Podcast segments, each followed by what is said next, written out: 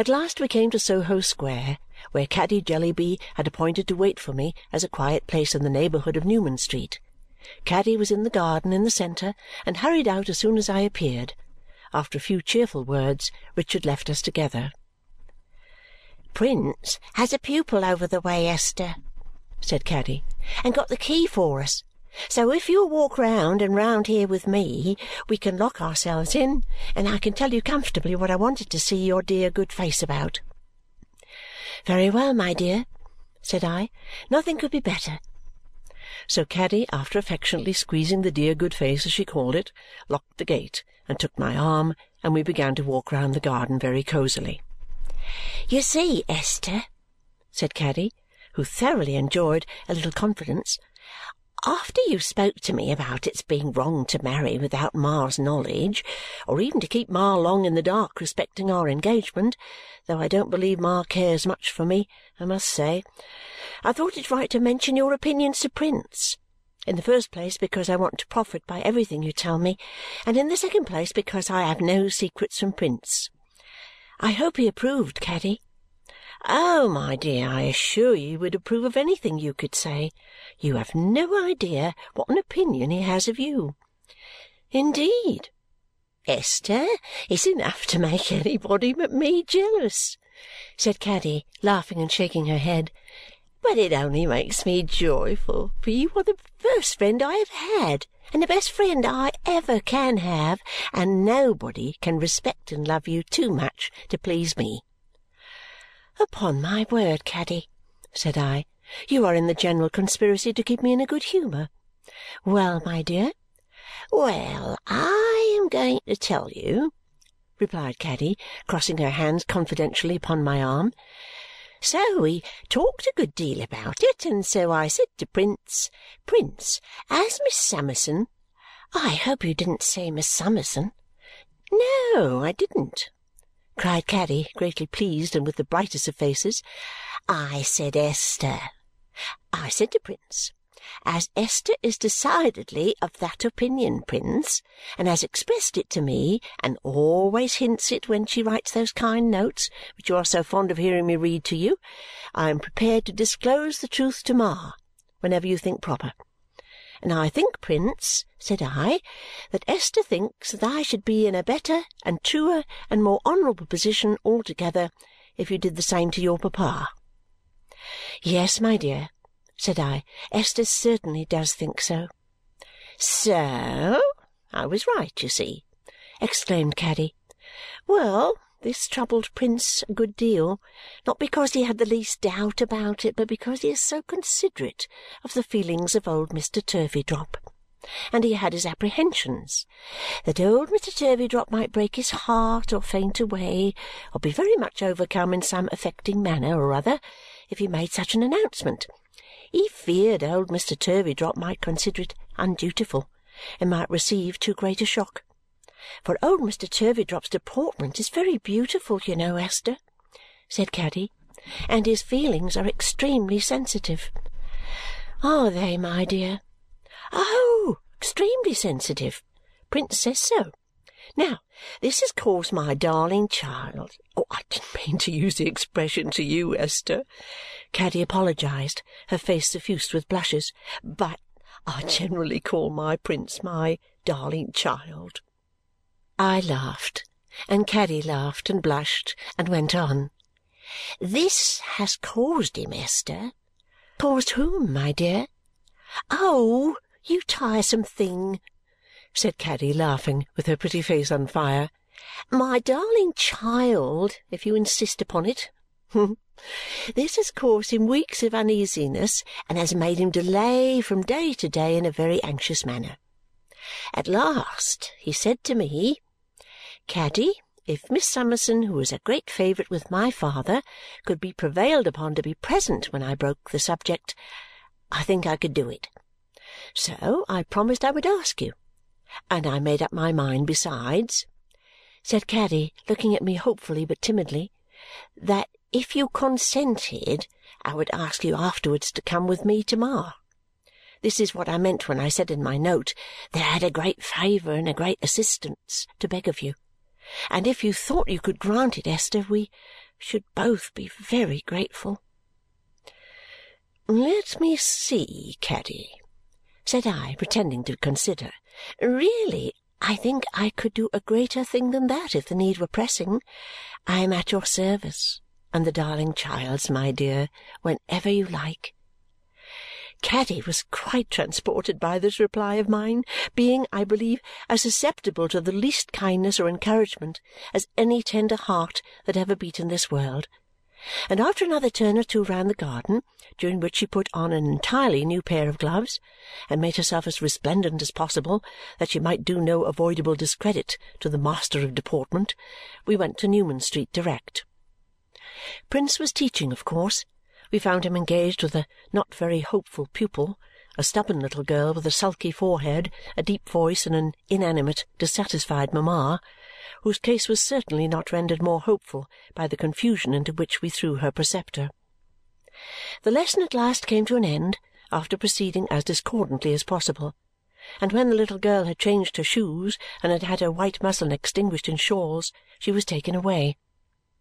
After a few words of preparation, we then went in search of Mr. Turveydrop, whom we found, grouped with his hat and gloves as a model of deportment, on the sofa in his private apartment, the only comfortable room in the house.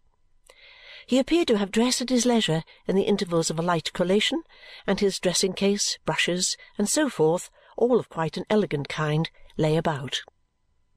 "Father, Miss Summerson, Miss Jellyby." "Charmed, enchanted," said Mr. Turveydrop, rising with his high-shouldered bow. "Permit me," handing chairs. "Be seated," kissing the tips of his left fingers. "Overjoyed," shutting his eyes and rolling. "My little retreat is made a paradise," recomposing himself on the sofa like the second gentleman in Europe. "Again you find us, Miss Summerson," said he, "using our little arts to polish, polish. Again the sex stimulates us and rewards us by the condescension of its lovely presence. It is much in these times, and we have made an awfully degenerating business of it since the days of his Royal Highness the Prince Regent, my patron, if I may presume to say so, to experience that deportment is not wholly trodden under foot by mechanics, that it can yet bask in the smile of beauty, my dear madam. I said nothing, which I thought a suitable reply, and he took a pinch of snuff. "My dear son," said Mr. Turveydrop, "you have four schools this afternoon. I would recommend a hasty sandwich." "Thank you, father," returned Prince. "I will be sure to be punctual. My dear father, may I beg you to prepare your mind for what I am going to say?" "Good heaven!" exclaimed the model, pale and aghast, as Prince and Caddy, hand in hand, bent down before him. "What is this? Is this lunacy, or what is this?"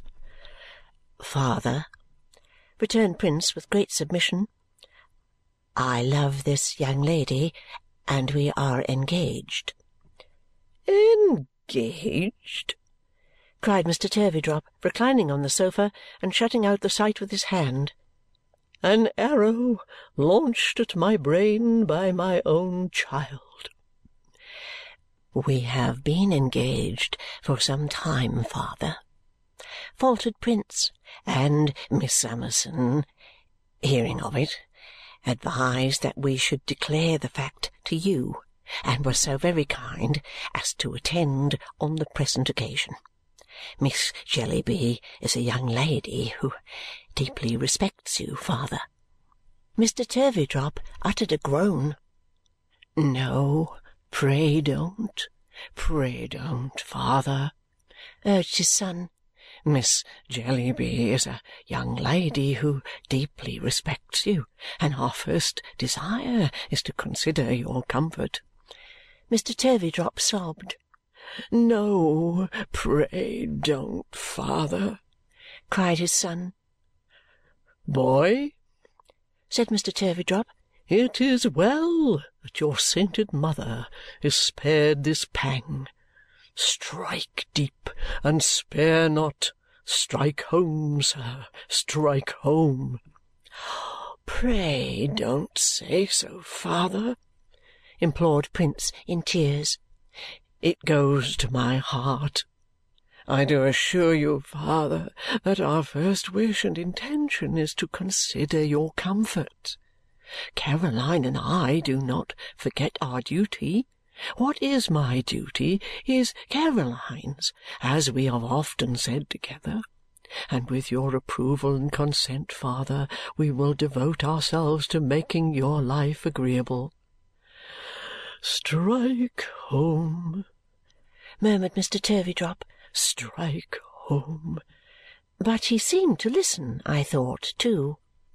My dear father, returned Prince, we well know what little comforts you are accustomed to and have a right to, and it will always be our study and our pride to provide those before anything.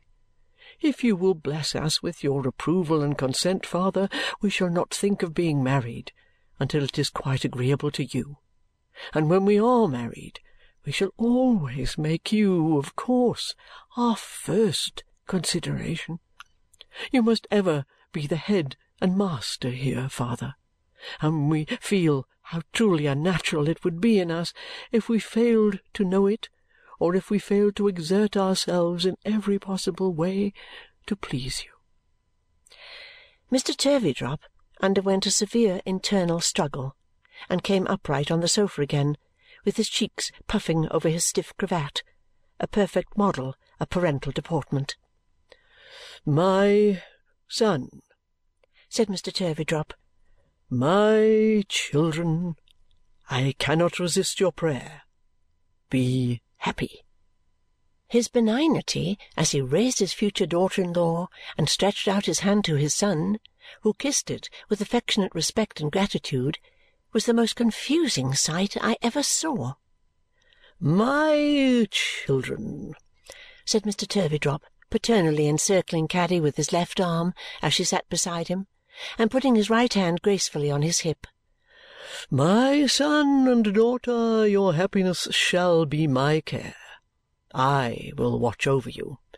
You shall always live with me, meaning, of course, I will always live with you.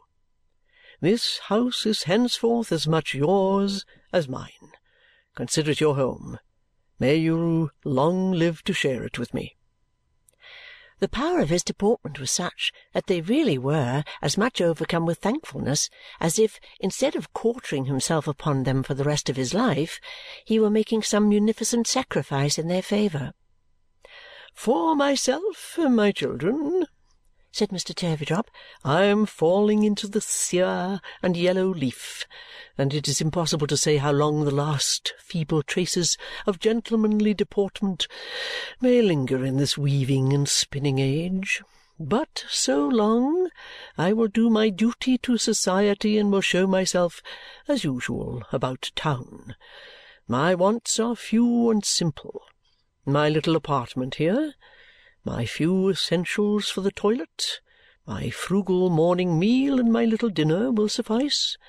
I charge your dutiful affection with the supply of these requirements, and I charge myself with all the rest.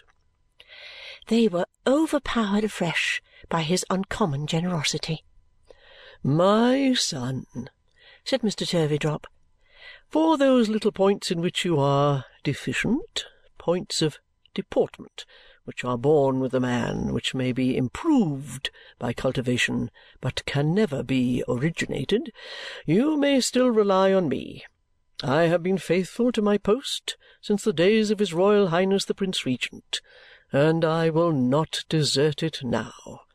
No, my son, if you have ever contemplated your father's poor position with a feeling of pride, you may rest assured that he will do nothing to tarnish it. For yourself, Prince, whose character is different we cannot be all alike, nor is it advisable that we should work, be industrious, earn money, and extend the connexion as much as possible.